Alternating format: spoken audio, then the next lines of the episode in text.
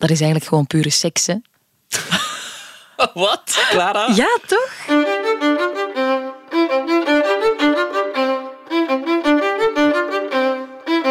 Dag Clara. Dag Sander. Clara de Dekker zit naast mij voor een podcast over klassieke muziek. Ja, eerste hulp bij klassiek. Leuk, hè? Een podcast over klassieke muziek. Elke week een nieuwe aflevering en uh, per aflevering bespreken we één muziekstuk. Ja, een muziekstuk of een compositie waarvan wij vinden dat iedereen het moet gehoord hebben. Clara, het is jouw beurt. Yes. Wat wordt het? Wel, ik ga het niet zeggen, ik ga het jou gewoon laten horen, Sander. Herken je het al? Uh, ja. Je hoort heel weinig, hè, maar dat Ja, is de bedoeling. Net daarom, want er zijn zo weinig muziekstukken. Maar- Ah, Kijk, nu moet je het weten. Hè. de Bolero De Bolero. van Maurice Ravel. Exact. Het is een heel herkenbaar muziekstuk, want het begint muisstil. Ja, Weinig muziekstukken beginnen zo. maar dan komt die, fluit erbij en Ja. dan zijn we vertrokken. Hè. En dan het ritme van die trom. Maar ik krijg er ook altijd een beetje ehm, stress van of slechte herinneringen. Oei. Het katapulteert mij altijd terug naar een dinsdagmiddag rond half drie op de middelbare school. Oei, wat was er dan? Eh, lichamelijke opvoeding. Ah, ik dacht speeltijd. Oh nee, lichaam. Ja, nee, alles behalve speeltijd. Want één keer op het jaar hadden wij eh, de bieptest. Oeh, Ja, ja. ja. ja. Doet een belletje doet een rinkelen? belletje rinkelen. Ja, wel, voor mensen die de bieptest niet kennen, je moet dus eh, een hele tijd lengtes lopen, heen en weer. Ja. 20 meter is een lengte. En je wordt begeleid door een cd'tje dat wordt afgespeeld. Eh, met een stem die zegt nog vijf minuten. Ja. Dit is de soundtrack, eh, die Bolero van Maurice Ravel. Dus jij moest op de bolero Ja. lopen. En dan is er op tijd en stond ook een piep signaal, vandaar Mhm. de pieptest. Omdat je op dat signaal aan het einde van die lengte moest zijn om terug te keren. Ja. En dus het gaat sneller en Ja. sneller, dus je moet ook sneller en sneller beginnen lopen. Inderdaad. Eh, dus of het je is- moet heel goed doen, alsof je je niet goed voelt op dat moment. Maar kijk, ja, Sander, Ja. dus dat zijn bijna traumatische ervaringen. Ja, maar nu hè, vind ik de Bolero... Ik ben zo blij dat je het gekozen hebt. Ik vind het echt ik vind het een topwerk. Hè? Ja. Maurice Ravel, I love him. Echt waar.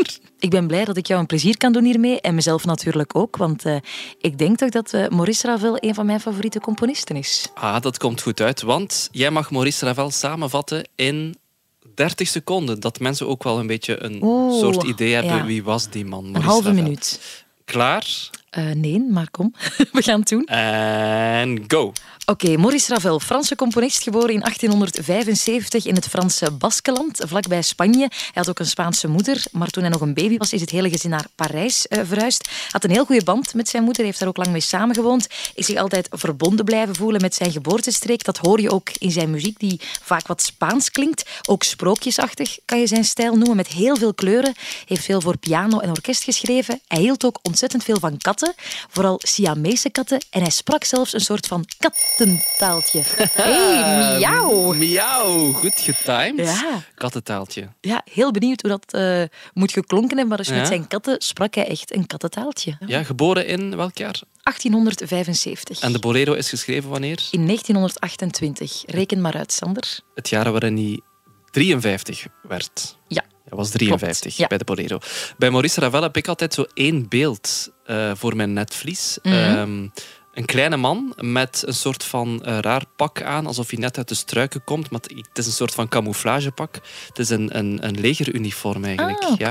Want hij wilde graag soldaat worden, hij wilde graag meevechten tijdens de Eerste Wereldoorlog. Maar hij mocht niet, hè? Nee, hij was eh, te klein. Hij wou eigenlijk piloot worden, maar dan is hij toch... Hij is, hij is chauffeur geworden, denk ik. Ambulancechauffeur. Ja. Dat heeft hij een tijdje gedaan. Ik denk dat hij het wel jammer vond dat hij te klein was om te vliegen, maar Een kleine man, maar zo'n grote componist.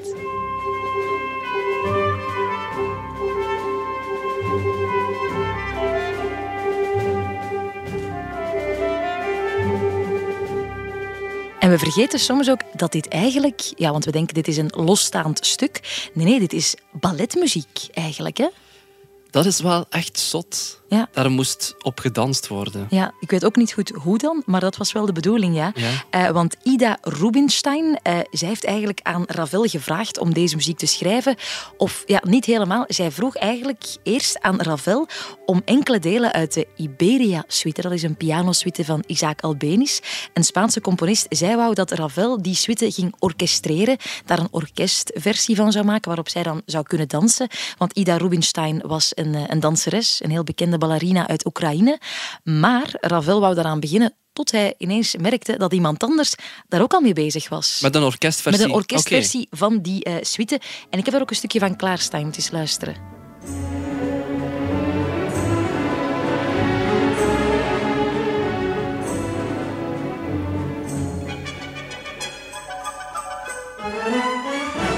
Dus dit is Albenisch? Ja, dit is Albenisch, die Iberia-suite georchestreerd. Wat dus eigenlijk Ravel had moeten doen. Dus maar dus iemand was hem voor geweest. Dit was plan A eigenlijk? Dit was plan A van Albenisch. Maar het moest dan plan B worden van... Van de Bolero.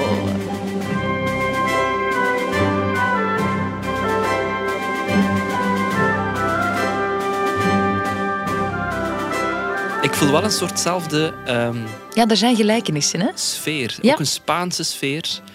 Sierlijk. Want... Sierlijk en verleidelijk toch ook. Hè? Ik vind het heel verleidelijke muziek. het zou blijkbaar een dans uitbeelden tussen een mooie vrouw en mannen die die vrouw willen versieren. Of er wordt zelfs gezegd, uh, de bolero is een uitbeelding van de stierenvechter, de toreador. Ah, ja. Die dus heel uh, subtiel zijn stier verleidt om aan te vallen. Hele trage actie, wat dus ook in die muziek uh, het geval is. Hè. Het gebeurt allemaal heel langzaam. En ook in de choreografie, want Maurice Béjart bijvoorbeeld heeft een heel bekende choreografie gemaakt op deze muziek. En ik moet daar vooral aan denken. Als ik deze muziek hoor, dan zie ik een, een man of een vrouw op een, op een tafel dansen. Mhm. Op een grote ronde tafel waar dan allemaal mensen rondomheen dansen. Dat is zo echt het beeld waar ik dan meteen aan denk als ik dit hoor. Ook los van de choreografie kan die bolero bestaan. Hè? Sowieso, ja. ja is, want er zitten zoveel herkenbare elementen in. Al zijn er wel mensen die zeggen van als je de eerste minuut hebt gehoord, dan heb je eigenlijk het hele werk gehoord. Omdat het gewoon de hele tijd hetzelfde is. Ik ben het daar niet mee eens. Hè. Nee. Maar die kwade tongen die, die zijn er wel. Ja, ik, ik begrijp dat wel, dat sommige mensen dat denken. Want sommige dingen veranderen ook niet. Nee. En dat zei Ravel ook. Van, je moet geen extreme verwachten, want die komen er toch niet. Mm zo één constante is hoe het werk begint met die trom. Dus het ritme pa, takataka, takataka, takataka, takataka, takataka. Ze hebben het geteld, hè, Sander, hoe vaak dat die uh, op die trommel ja. moet slaan. Het, wat ik net heb uh, voorgezongen, wordt 169 keer gespeeld ja, door maar, de trom. Maar dat zijn dus meer dan 4000 noten. Hè? Gaan we eens luisteren aan het begin hoe het klinkt?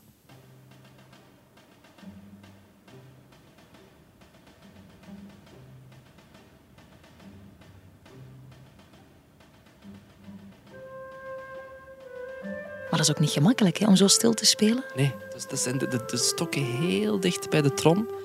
En die moeten dus ook altijd luider en luider spelen. Ja. Ik zou stress... Ja, misschien krijg ik wel van alle stress, heb ik het gevoel. Maar ik zou daar echt... Oh. Nog meer dan van de bieptest? Ja. er zit een volle zaal op je te kijken. En voor wat zou je dan stress hebben? Je begint het stuk en je mag geen enkele fout maken. Nee, maar het is de hele tijd hetzelfde. Ja, maar je moet zien dat je op het juiste moment herhaalt. En dat je nooit eens iets overslaat of zo.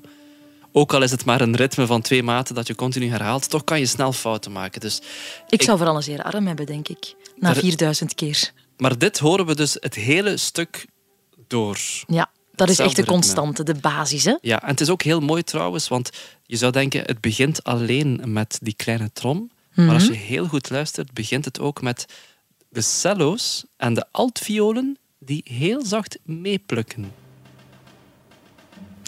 Amai. Dat is de eerste keer dat ik dat hoor. En nu komt de fluit. Hoe mooi. Oh, maar Zo Ogarme, ik had die nog nooit gehoord. Altviool en een cello. Ja, die plukken mee. Die plukken één, Amai, maar wel heel stilletjes, hè? drie. Ja, dat is waar. Ik snap, er zijn een paar dingen die onveranderd blijven, zoals het ritme van die eh, kleine trom. Mhm. Taka taka. Maar als je heel goed luistert, toch verandert er kei veel. Ja, ontzettend. Eh, de bezetting gewoon al. Hè. We horen Ja. constant andere instrumenten die, die doen hun deeltje. En dan verdwijnen die weer op de achtergrond of, of volledig. Dan pakt er een ander instrument over. Maar je krijgt wel het gevoel dat je op het einde van het werk het hele orkest hebt gehoord. Want iedereen komt wel eens aan de beurt. Enorm. Dat vind ik fantastisch aan die bolero. Er zijn ook wel een paar andere constanten. Eh, bijvoorbeeld, er worden maar twee thema's gespeeld. Ja, zeg. Ja, Sander. Voilà, we gaan, we gaan dit doen. Hè. Af en toe, als er een woord valt waarvan we denken dit vraagt een beetje meer uitleg. En in de klassieke muziek wordt er echt gegoocheld eh, met termen. Dus eh, voilà, leg mij eens kort uit, wat is een thema? Ik dacht dat je ging vragen wat is het woord gespeeld. dat ken ik nog net. Nee, nee, een thema is eigenlijk een, een, eh, een, muzikale zin, een frase, of simpel gezegd een soort van herkenbaar delen of herkenbare melodie in een muziekstuk. Mhm. Een melodie of een thema dat af en toe ook terugkomt doorheen het muziekstuk. Uh, het is een soort van kapstok, zou je kunnen zeggen. Soms keert dat thema veranderd terug. Dan is het een variatie. Ja, een variatie inderdaad.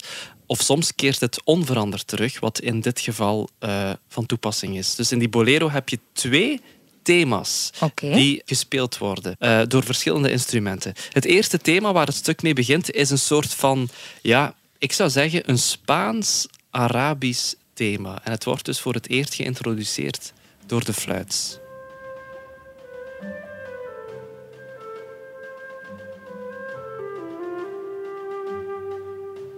Klinkt ook een beetje Oosters, hè? Ja.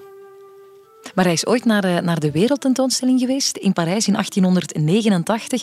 En daar heeft hij ook ontzettend veel inspiratie op gedaan. Uit allerlei uh, landen, uit alle hoeken van de wereld. En ik vind dat je dat ook hoort ja. in zijn muziek. En zeker ook hier in deze bolero. Die invloeden uit de wereld hoor je wel in dat eerste thema, mm -hmm. vind ik. En dan heb je nog een ander thema. Dus er zijn twee thema's, uh, gespeeld door verschillende instrumenten, beurtelings.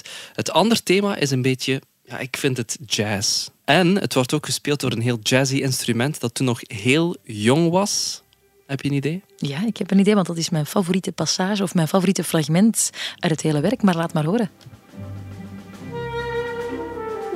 Ah, De saxofoon. Klinkt zo goed ook.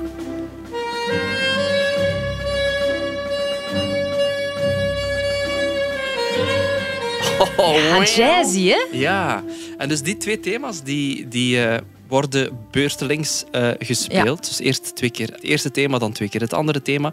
En zo kan je de bolero eigenlijk onderverdelen in 18 delen. Ja. Dus je kan heel goed zien, ah, dan komt dit instrument op de voorgrond, dan verdwijnt dat instrument weer. Dan komt het andere instrument op de voorgrond, speelt het hetzelfde thema of het tweede thema, verdwijnt weer. Alle instrumenten zijn eigenlijk echt multi-inzetbaar. Ja, ja, en dat allemaal onder begeleiding van die trom en steeds luider en luider. Ja, een grote crescendo eigenlijk. Hè? Ja. En daardoor kan je ook echt op een andere manier elke keer luisteren hè, naar de muziek. Dat vind, dat vind ik wel fijn, ja. Ja, je, hebt dus, je kan luisteren naar instrumenten die de, het ritme van de kleine trom volgen. Mhm. Takadakam, Het ritme, echt, pam. ja. ja, bijvoorbeeld de fluit is eh, do, do, do, do, do, do, do, do, do, do, do. Dat is een manier om te luisteren. Je kan ook luisteren naar andere instrumenten die vooral de maat bevestigen.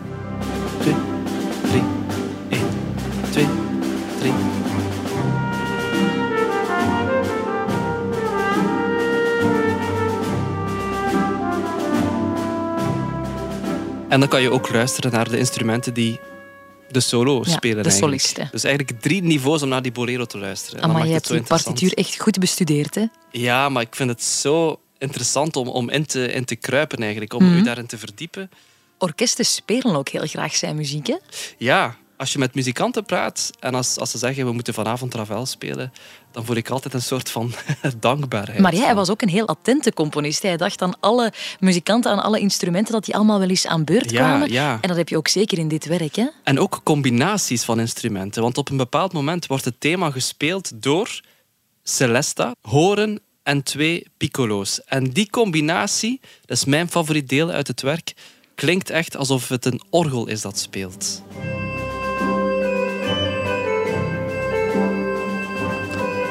Ja. Ik vind dat is ongelooflijk. Ah, als je mij nu zou zeggen, dit is een orgel, dan geloof ik het ook. Ah ja, dat is toch fantastisch? Ja, en je voelt ook in dit werk, vind ik, eh, het bouwt op, hè. het zwelt Maar aan. ja. Eh, het wordt groter en groter door die crescendo natuurlijk, door meer en meer instrumenten eh, die je te horen krijgt, tot er natuurlijk iets gebeurt. Op het einde, dan krijgen we een modulatie. Hola.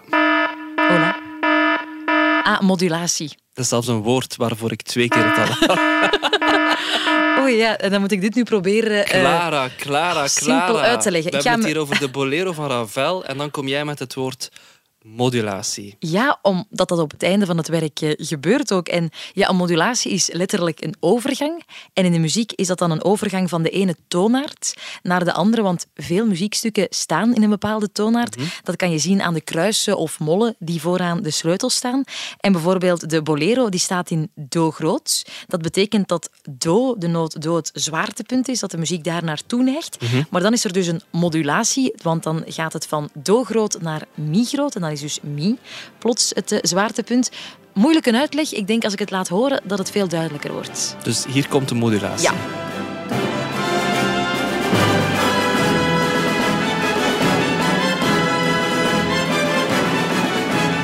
Nu, is, Ja. nu zitten we ergens anders. Hè? Ja, nu zitten we in mi groot. Dus je hoort gewoon een soort van shift Ja. eh, in de muziek. En eh, dat zorgt voor een heel andere sfeer. Hè? Oké. En dan gebeurt het. Het begint.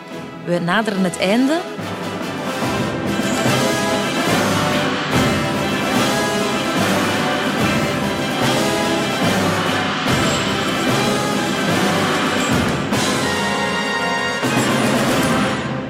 Fantastisch toch? En dan is het gedaan. Dan is het gedaan, maar wat een einde. Gewoon pure chaos. Hè? Je zit eigenlijk op het einde gestructureerde chaos. Ja. Maar eh, Het is wel knap, want hoe eindig je zo een werk? Hè? geen idee. Je krijgt het al een kwartier lang te horen en je vraagt je echt af van, maar Ja. hoe gaat hier ooit een einde aankomen? Ja, wel zo. Hè. Maar het lijkt alsof ze gewoon allemaal in het orkest met elkaar op de vuist gaan. Alsof het zo'n groot gevecht is. Het is echt pure chaos. En het was ook een beetje chaos tijdens de première. Wanneer was die? Die was in eh, 1928 in de opera van Parijs. Eigenlijk het publiek was zeer positief, behalve één vrouw, eh, die riep echt van dit is krankzinnig. En ze bedoelde krankzinnig slecht. Oh. Ja, en eh, Maurice Ravel, grappig genoeg, die was het daarmee eens. Die zei, voilà, eindelijk iemand die het doorheeft. Eh want hij snapte het gewoon niet. Hij begreep niet hoe zoveel mensen dit zo goed konden vinden. Ook al het feit dat de première plaatsvond in de opera, in de Ja. opera van Parijs. Dat was niet de setting die hij voor ogen had. Hij wou eigenlijk dat deze muziek zou worden uitgevoerd in een fabriekshal. Hoe machinaler, hoe beter. Want de bolero, dat was voor hem gewoon een machine. Dat was machinale muziek, vond hij. Een fabriekshal. Ja, ja, Maar ik zie daar ook wel een fabriek bij. En het houdt eigenlijk wel steek, want de papa van Maurice Ravel die was een ehm, Zwitserse ingenieur. ja, klopt. En eh, Ravel die had ook wel een fascinatie voor al het mechanische. Ja, hè? hij had ook een heel uitgebreide collectie van uurwerken. En misschien stond hij wel met een van die uurwerken naast het orkest, want hij vond het heel belangrijk eh, dat het orkest het heel juist speelde. Dus dan heb ik het vooral over het tempo. Ze mochten vooral niet versnellen of vertragen. Het tempo moest de hele tijd hetzelfde blijven. Hij, hij nam er zelfs een chronometer bij, want voor hem duurde een ideale uitvoering 17 minuten. 17. Ja. Dat is wel heel Ja, specifiek. geen seconde meer of minder. Je hebt opnames van bijna 19 minuten, 18,5 Of denk ik. opnames van 14 minuten. Ja, ja. ja, klopt. Ja, maar doe het maar eens, hè. Ja, want dat is het Doe het probleem. eens. Je begint wel luider te spelen, Ja. maar je mag niet sneller beginnen spelen. Nee. Als wij praten en we gaan luider praten, dan gaan wij ook automatisch sneller praten. Dus dat is echt het moeilijkste hè, aan het spelen van de bolero. Niet sneller of trager gaan spelen, gewoon het, het tempo behouden.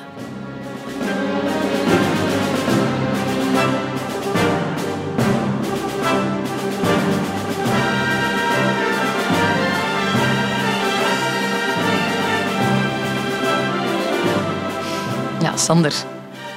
De bolero, dat is eigenlijk gewoon pure seks, hè? Wat? Clara? Ja, toch? We hebben het over de bolero van We hebben het over de bolero. Maar ja, En jij spreekt uit ervaring. dat laten we in het midden. Maar ik ben zeker niet de enige. Er bestaan lijstjes van de beste muziek om, om seks op te hebben. Ja. En de bolero komt daar bijna altijd in voor. Er is een vast ritme. Die kleine Ja. trommel. Er zijn twee melodieën die de hele tijd over elkaar kruipen en draaien. Oh, Clara, de zo muziek poëtisch. Twee, twee- ik had er nog nooit zo over Maar nagedacht. jawel, ah, wel, maar probeer het u voor te stellen. Dus je hebt die twee melodieën, de muziek, die steeds luider wordt. En ja, aan het einde heb je een dikke, vette climax. en het duurt ongeveer een kwartiertje. Dat is ideaal, hè? Eigenlijk is de bolero een muzikaal orgasme. Ik ben blij dat je het zegt. De aflevering zit erop, denk ik. Nog niet helemaal, eh, Sander, want jij hebt mij het daar juist gelapt. Ik heb 30 seconden gekregen om Ravel even kort samen te vatten. Jij mag nu hetzelfde doen over de bolero. En go! De bolero van kattenliefhebber Maurice Ravel. De première was in 1928 in de Opera van Parijs op vraag van de choreografen, maar Ravel wou liever dat het uitgevoerd werd in een fabrieksgebouw, zo machinaal mogelijk, uh, met een heel strak tempo, dus eigenlijk zo onmenselijk mogelijk uitgevoerd. Maar het is ook heel menselijke muziek, want eigenlijk de, de thema's eh, kruipen bijna over elkaar. Het is heel stomende muziek, goed voor in de slaapkamer, met twee thema's, een Spaans-Oosters thema en een jazz-thema. Luister ook naar de trom, luister naar de solo-instrumenten en luister naar... Naar wat? De bolero van Ravel.